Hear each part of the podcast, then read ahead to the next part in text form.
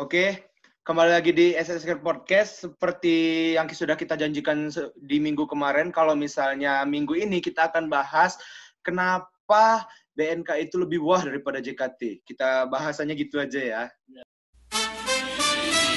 Ready. One, two, three, four.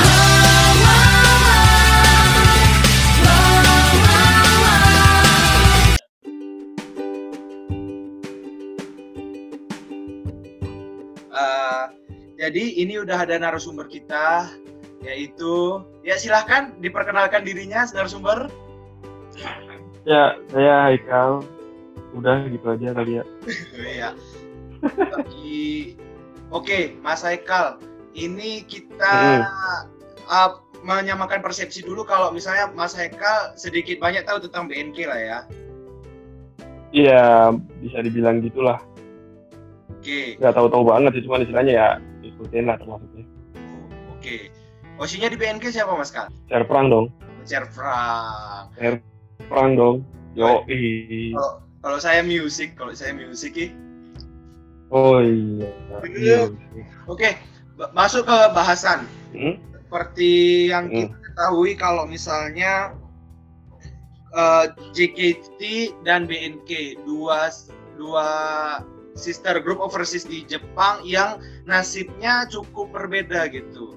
JKT harus 9 tahun untuk eh, 8 ya, 8 tahun untuk mendapatkan single, single original, sedangkan yeah. BNK sedang naik daun dengan dokumentari mereka the TV uh, reality uh, reality show mm -hmm. acara mereka sendiri dan mm.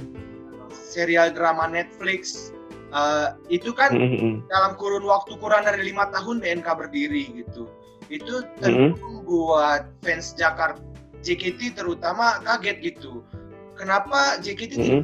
mendapatkan privilege yang sama gitu apakah karena kitanya yang kurang keluar banyak duit ataukah memang manajemennya kurang bisa ngepush ataukah uh, negara kita yang agak susah melakukan hal-hal demikian itu bagaimana Mas Kal?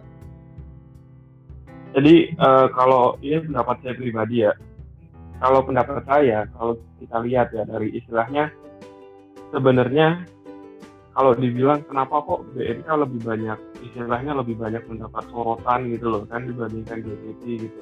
Padahal kalau kita perhatikan JKT ketika awal-awal istilahnya awal-awal uh, bukan apa tuh iklan Pokari Sweat kalau teman-teman masih ingat kita awal-awal iklan Pokari Sweat ya kan? Istilahnya setelah setelah itu 2011 setelah 2011 habis itu go live terus akhirnya banyak mulai heavy rotation gini-gini itu sebenarnya sama gitu loh.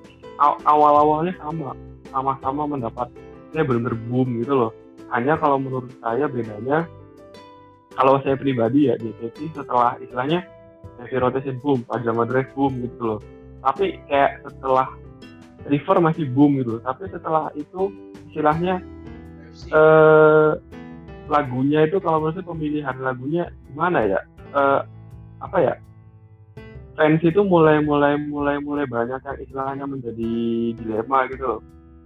Banyak yang istilahnya akhirnya bilang wah ini translate. Wah ini ini gitu kan. Sama hanya bedanya uh, di Thailand gitu kan kalau menurut saya gitu. sama-sama memiliki basis fans yang gede gitu kan. Di Indonesia jauh lebih gede kan karena ada jumlah penduduk gitu kan. Tapi istilahnya militansi terutama militansi uh, dana dari fans ini itu udah mirip kayak Sultan Qatar gitu. Mereka benar-benar jor-joran untuk istilahnya mendukung uh, member mereka masing-masing gitu loh. Jadi kalau dilihat kalau misalkan militansi kita militansi istilahnya untuk support untuk segala macam ini Indonesia menang gitu. Tapi balik lagi militansi dari dana dari fans-fans Thailand ini udah kayak Sultan Qatar gitu. jadi sudah sangat-sangat apa ya eh, sangat-sangat banyak gitu loh. Padahal ya kalau kalau kita lihat gitu kan kalau jadi saya nggak tahu kan pendapat uh, pendapatan dan penghasilan gimana gitu kan tapi kalau kita lihat itu di Thailand, misalnya di Thailand ya, eh, pada tahun 2017 saja nih, ini saya dapat datanya nih dari tahun 2017 saja, itu bisa dia bisa dapat 40,5 juta bat ya kan pendapatannya. Bahkan pengeluarannya itu 62,5 juta bat sehingga hasilnya 22,2 juta kerugian gitu ya kan? Kenapa dia bisa rugi gitu kan kenapa? Kok kok kok istilahnya lagi naik daun pada tahun 2017 kok dia bisa rugi? Mungkin lebih ke ini promosi yang dilakukan sama uh, manajemennya BNK yaitu Los Entertainment kan? Itu benar-benar jor-joran gitu loh untuk istilahnya uh, menaikkan ini sehingga akhirnya mungkin lebih banyak pengeluarannya dia dibandingkan masukannya gitu. sehingga mungkin akhirnya itulah yang bisa membuat gitu, saya tuh jadi terlihat lebih naik daun gitu dibandingkan jadi dengan dia kan baru terbentuk tahun 2016 dengan hanya waktu 4 tahun bisa mendapatkan banyak banget loh exposure banyak banget ini. Kalau menurut saya selain dari militansi fans dan sebagainya tapi lebih ke itu juga bagaimana sih totalitas dari manajemennya si Rose Entertainment gitu loh untuk istilahnya dia bisa menaikkan uh, si BNK ini gitu loh. Kalau kalau kita karena Rose Entertainment itu kan satu entertainment terbesar di Thailand kan dan spesialisasinya dia itu segala hal yang berbau di Jepangan misalkan kayak dia itu uh, istilahnya spesialis mempublikasikan anime dari tahun 2000 gitu anime bisa kayak anime-anime Jepang yang terkenal gitu kayak Doraemon dan sebagainya. Sedangkan kalau di Indonesia eh, apa ya kalau sebelumnya kan eh, Densu ya kan Densu itu istilahnya eh, dia itu bukan asli Indonesia gitu loh Ini adalah perusahaan Jepang. Jadi kan istilahnya kalau menurut saya beda gitu loh. Dia dimiliki oleh perusahaan Jepang dibandingkan dengan si BNK itu dimiliki oleh perusahaan asli Thailand. Jadi kan pasti pemiliknya juga pengen dong istilahnya asuhannya orang-orang istilahnya uh, sesama negara ini bisa juga untuk dimajukan kan istilahnya. Makanya dia total itu sampai akhirnya pada 2017 dia bisa lebih 22 juta bat gitu walaupun rugi tapi tidak menutup uh, tidak apa ya tidak menghentikan langkah mereka untuk me, mem, memajukan BNK ke depannya kan atau mendukung BNK ke Nah, itu. Betul. Hingga kita tahu bahkan uh, Akibi aja memberikan izin untuk membuat sister group baru di Thailand kan.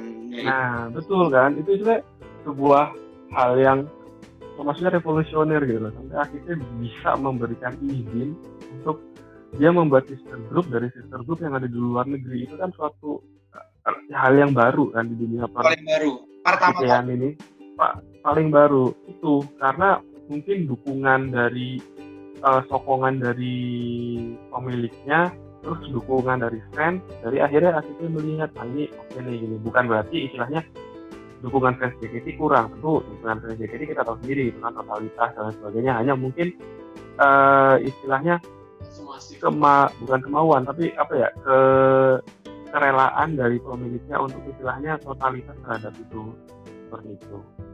Jadi memang Hal itu pendapat saya pribadi ya. Ya ya, nggak apa-apa ya kita beropini dan ini podcast yang subjektif gitu. Kem semua kembali kepada pendengar kalau mau percaya apa enggak. Hmm. Tapi uh, gini, kalau misalnya kita lihat dari situ negara jujur aja lebih besar kita kan gitu -hmm. Uh, -hmm.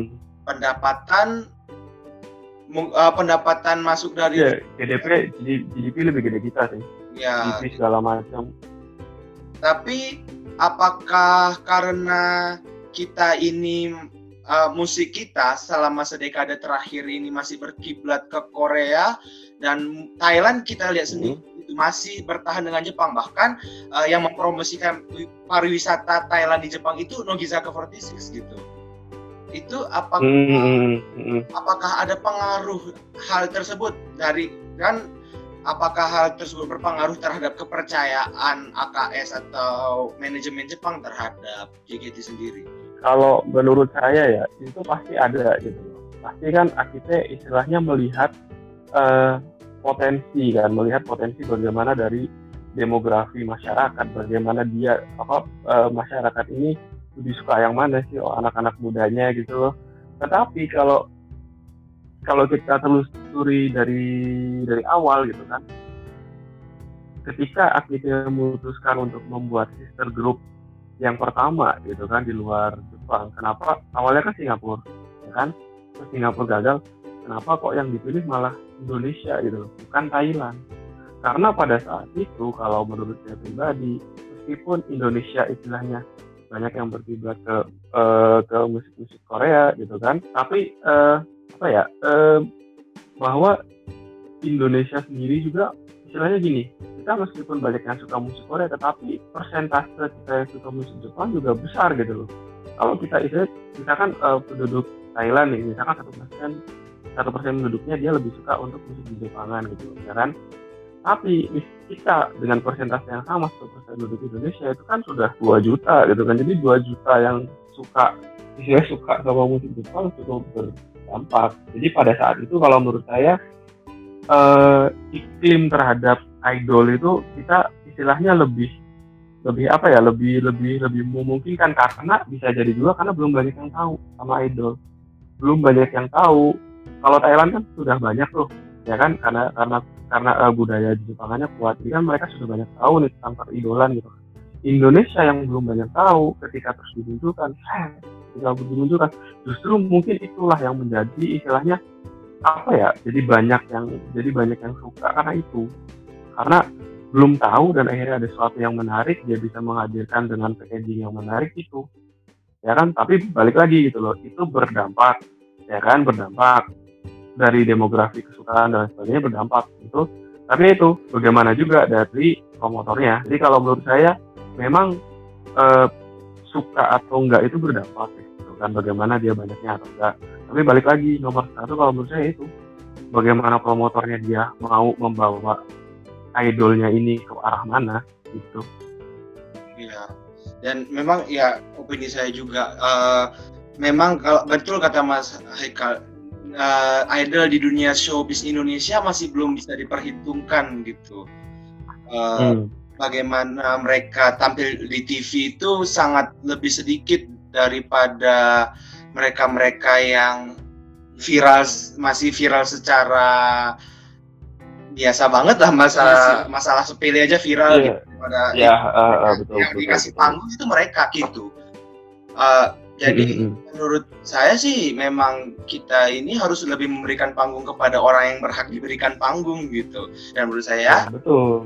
Kayak JKT lebih berhak diberikan panggung gitu daripada orang-orang yang kurang jelas gitu. Di situ kita bisa kita, tapi dari situ kita juga betul, betul, melihat gitu bagaimana negara kita selama ini memperlakukan dunia showbiz gitu.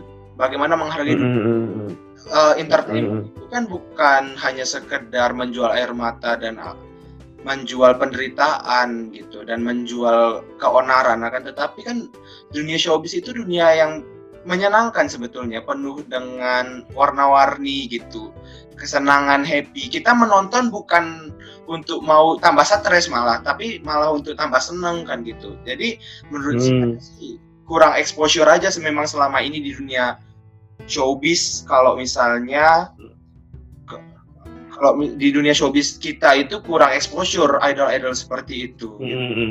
Mungkin oh, ada tambahan dari Mas Yoga? Oke, okay, uh, eh, sekalian tanya, sekalian tanya aja sih sebenarnya. Uh, mungkin sebagian tahu bahwa uh, di BNK40 kan sempat ramai kalau nggak salah dokumentarinya dan serial dramanya mm -hmm. menembus Netflix. Netflix salah satu kanal kanal kanal streaming yang cukup ter, cukup terbesar mm -hmm.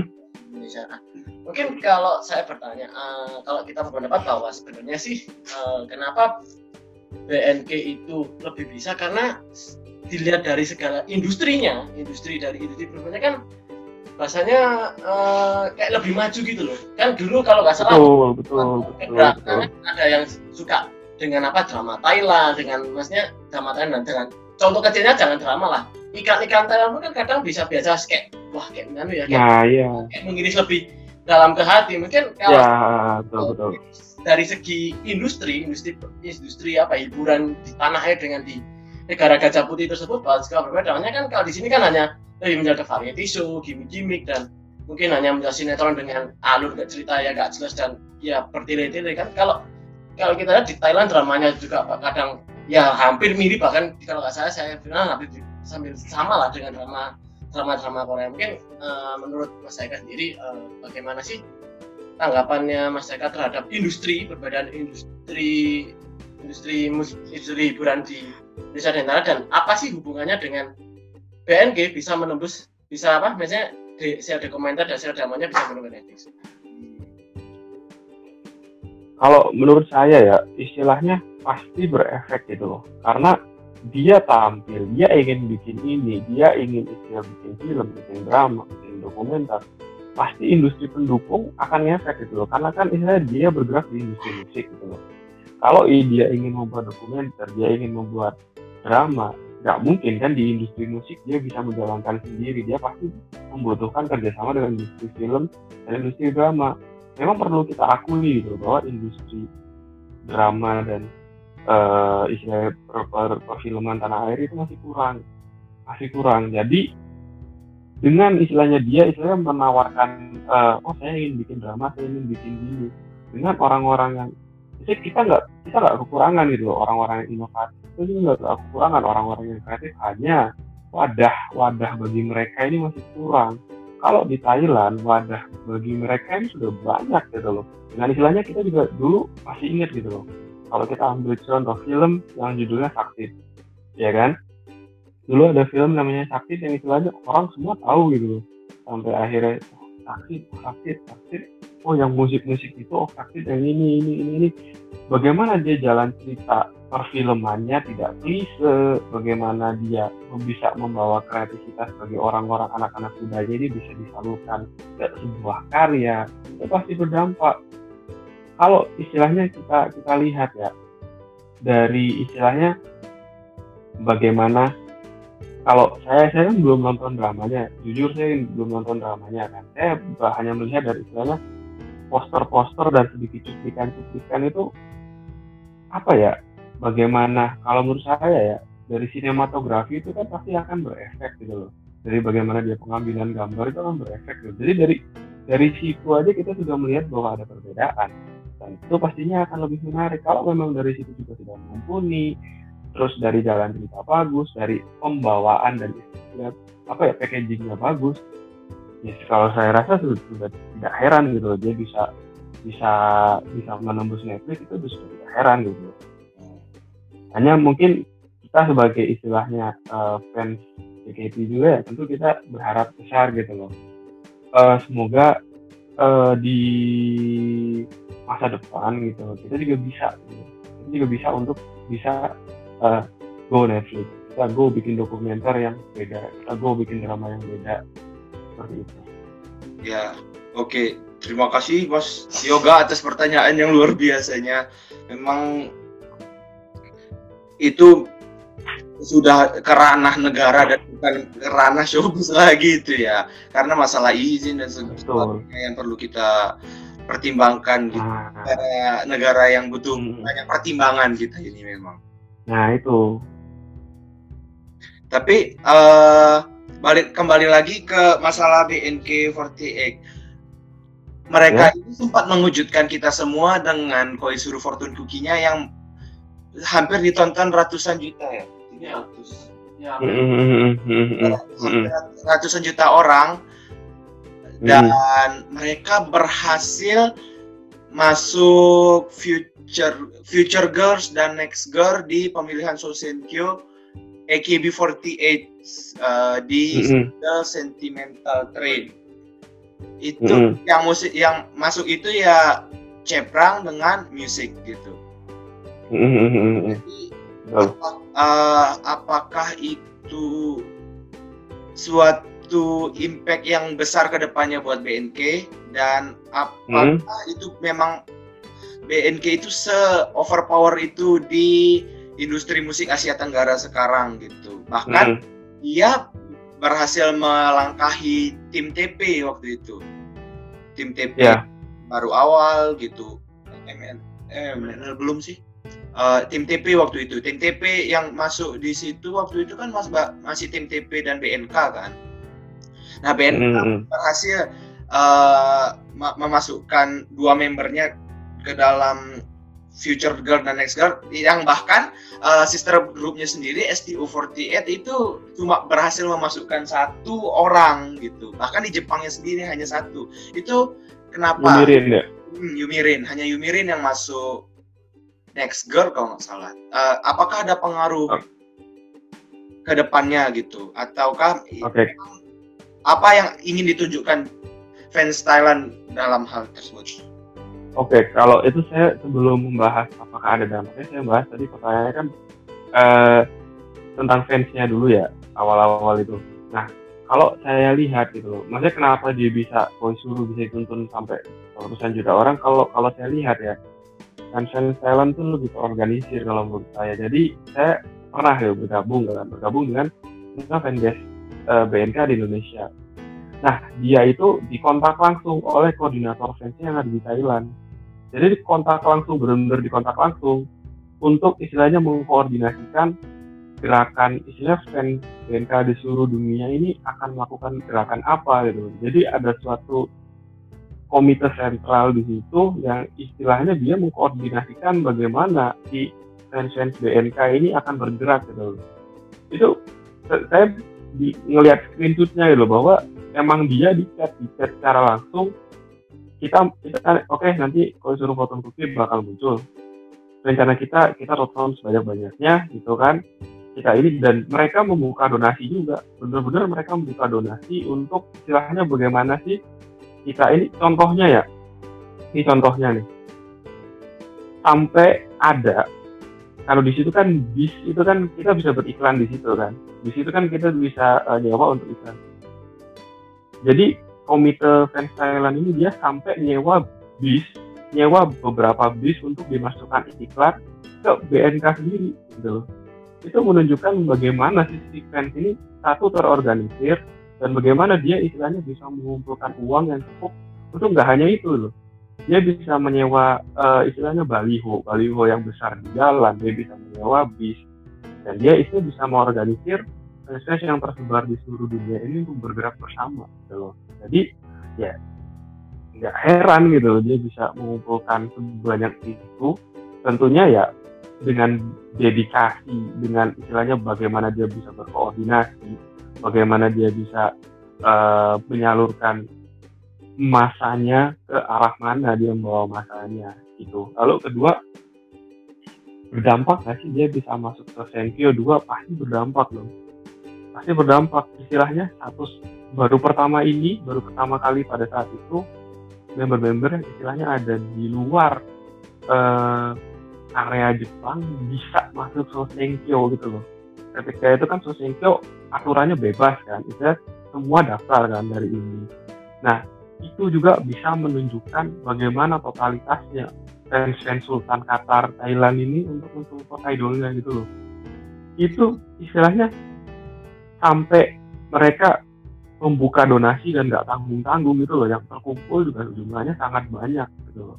Jadi kalau menurut saya dampaknya apa gitu? Dampaknya di situ menunjukkan bahwa pada AKX bahwa Thailand ini bukan pemain pemain pemain itu pemain biasa gitu. Thailand ini adalah uh, fansnya jauh lebih militan dalam hal dana gitu kan.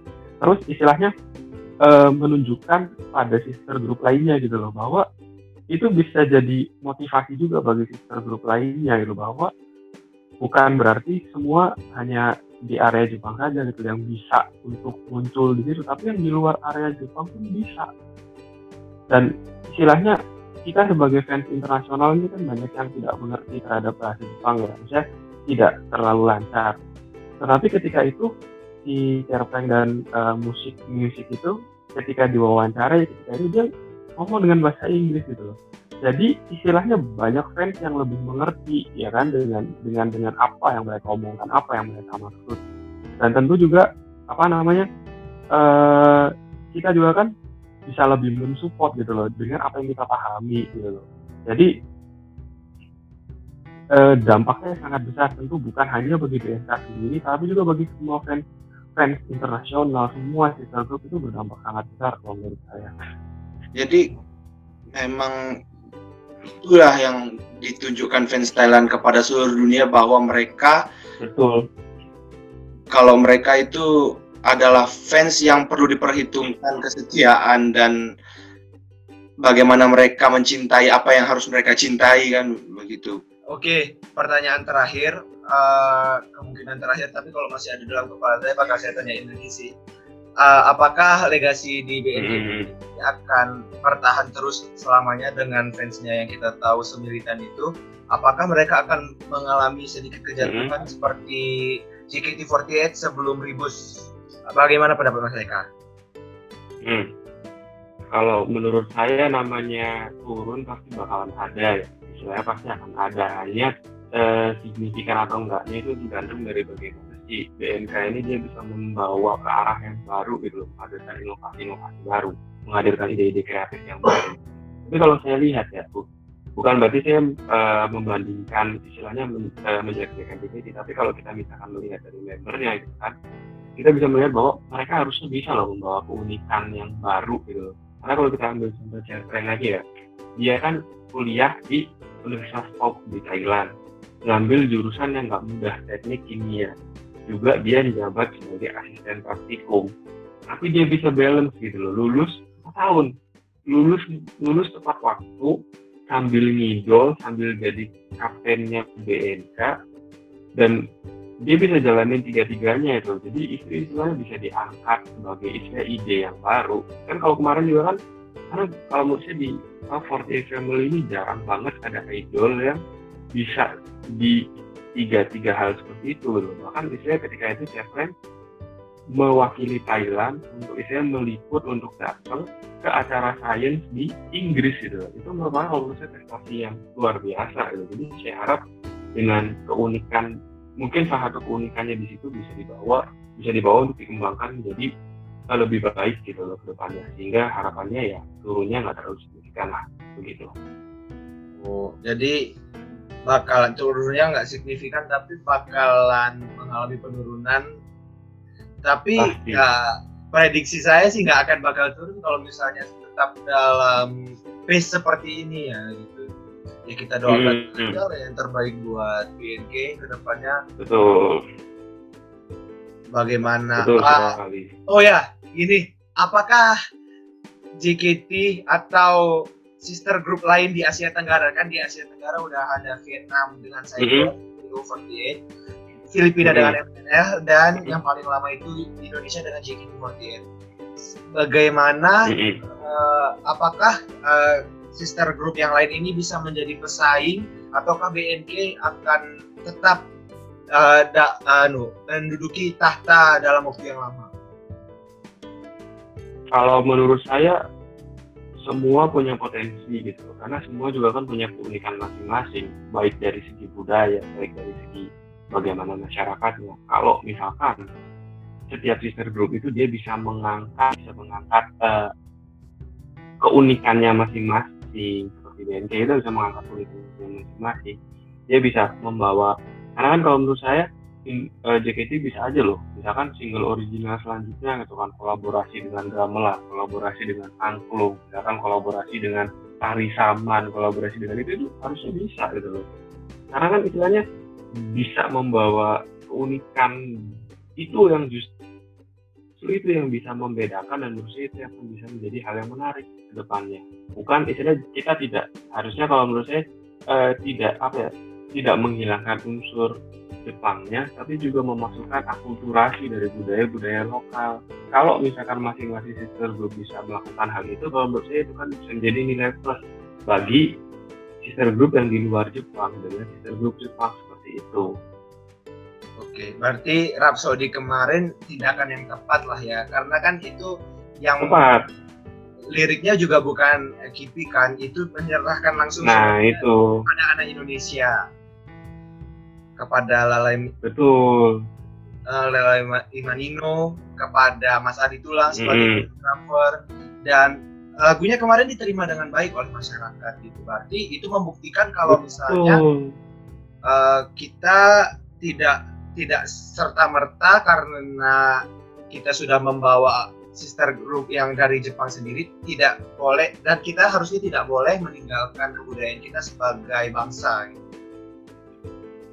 Betul, saya berharap ke depannya mungkin sister group, sister group yang lain bisa memanfaatkan budaya-budaya lokal yang ada di akulturasikan dengan budaya Jepang yang istilahnya kental dengan idol group seperti itu.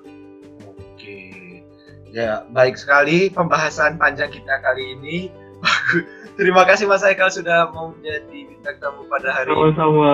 Uh, Oke, okay, uh, oke okay, teman-teman, uh, berakhir dengan pertanyaan terakhir soal apakah berpotensi kita bisa mengejar BNK menjadi jawara di Southeast Asian Idol itu semua mungkin akan tetapi kita juga harus mendukung JKT untuk menjadi idol yang memiliki identitas dan termasuk identitas budaya. Oke, dengarkan terus SSR Podcast di kanal-kanal yang sudah tersedia. Uh, sampai ketemu di episode berikutnya. Uh, Kokel pamit. Haikal pamit. Oh, hey. Sampai ketemu. Bye bye.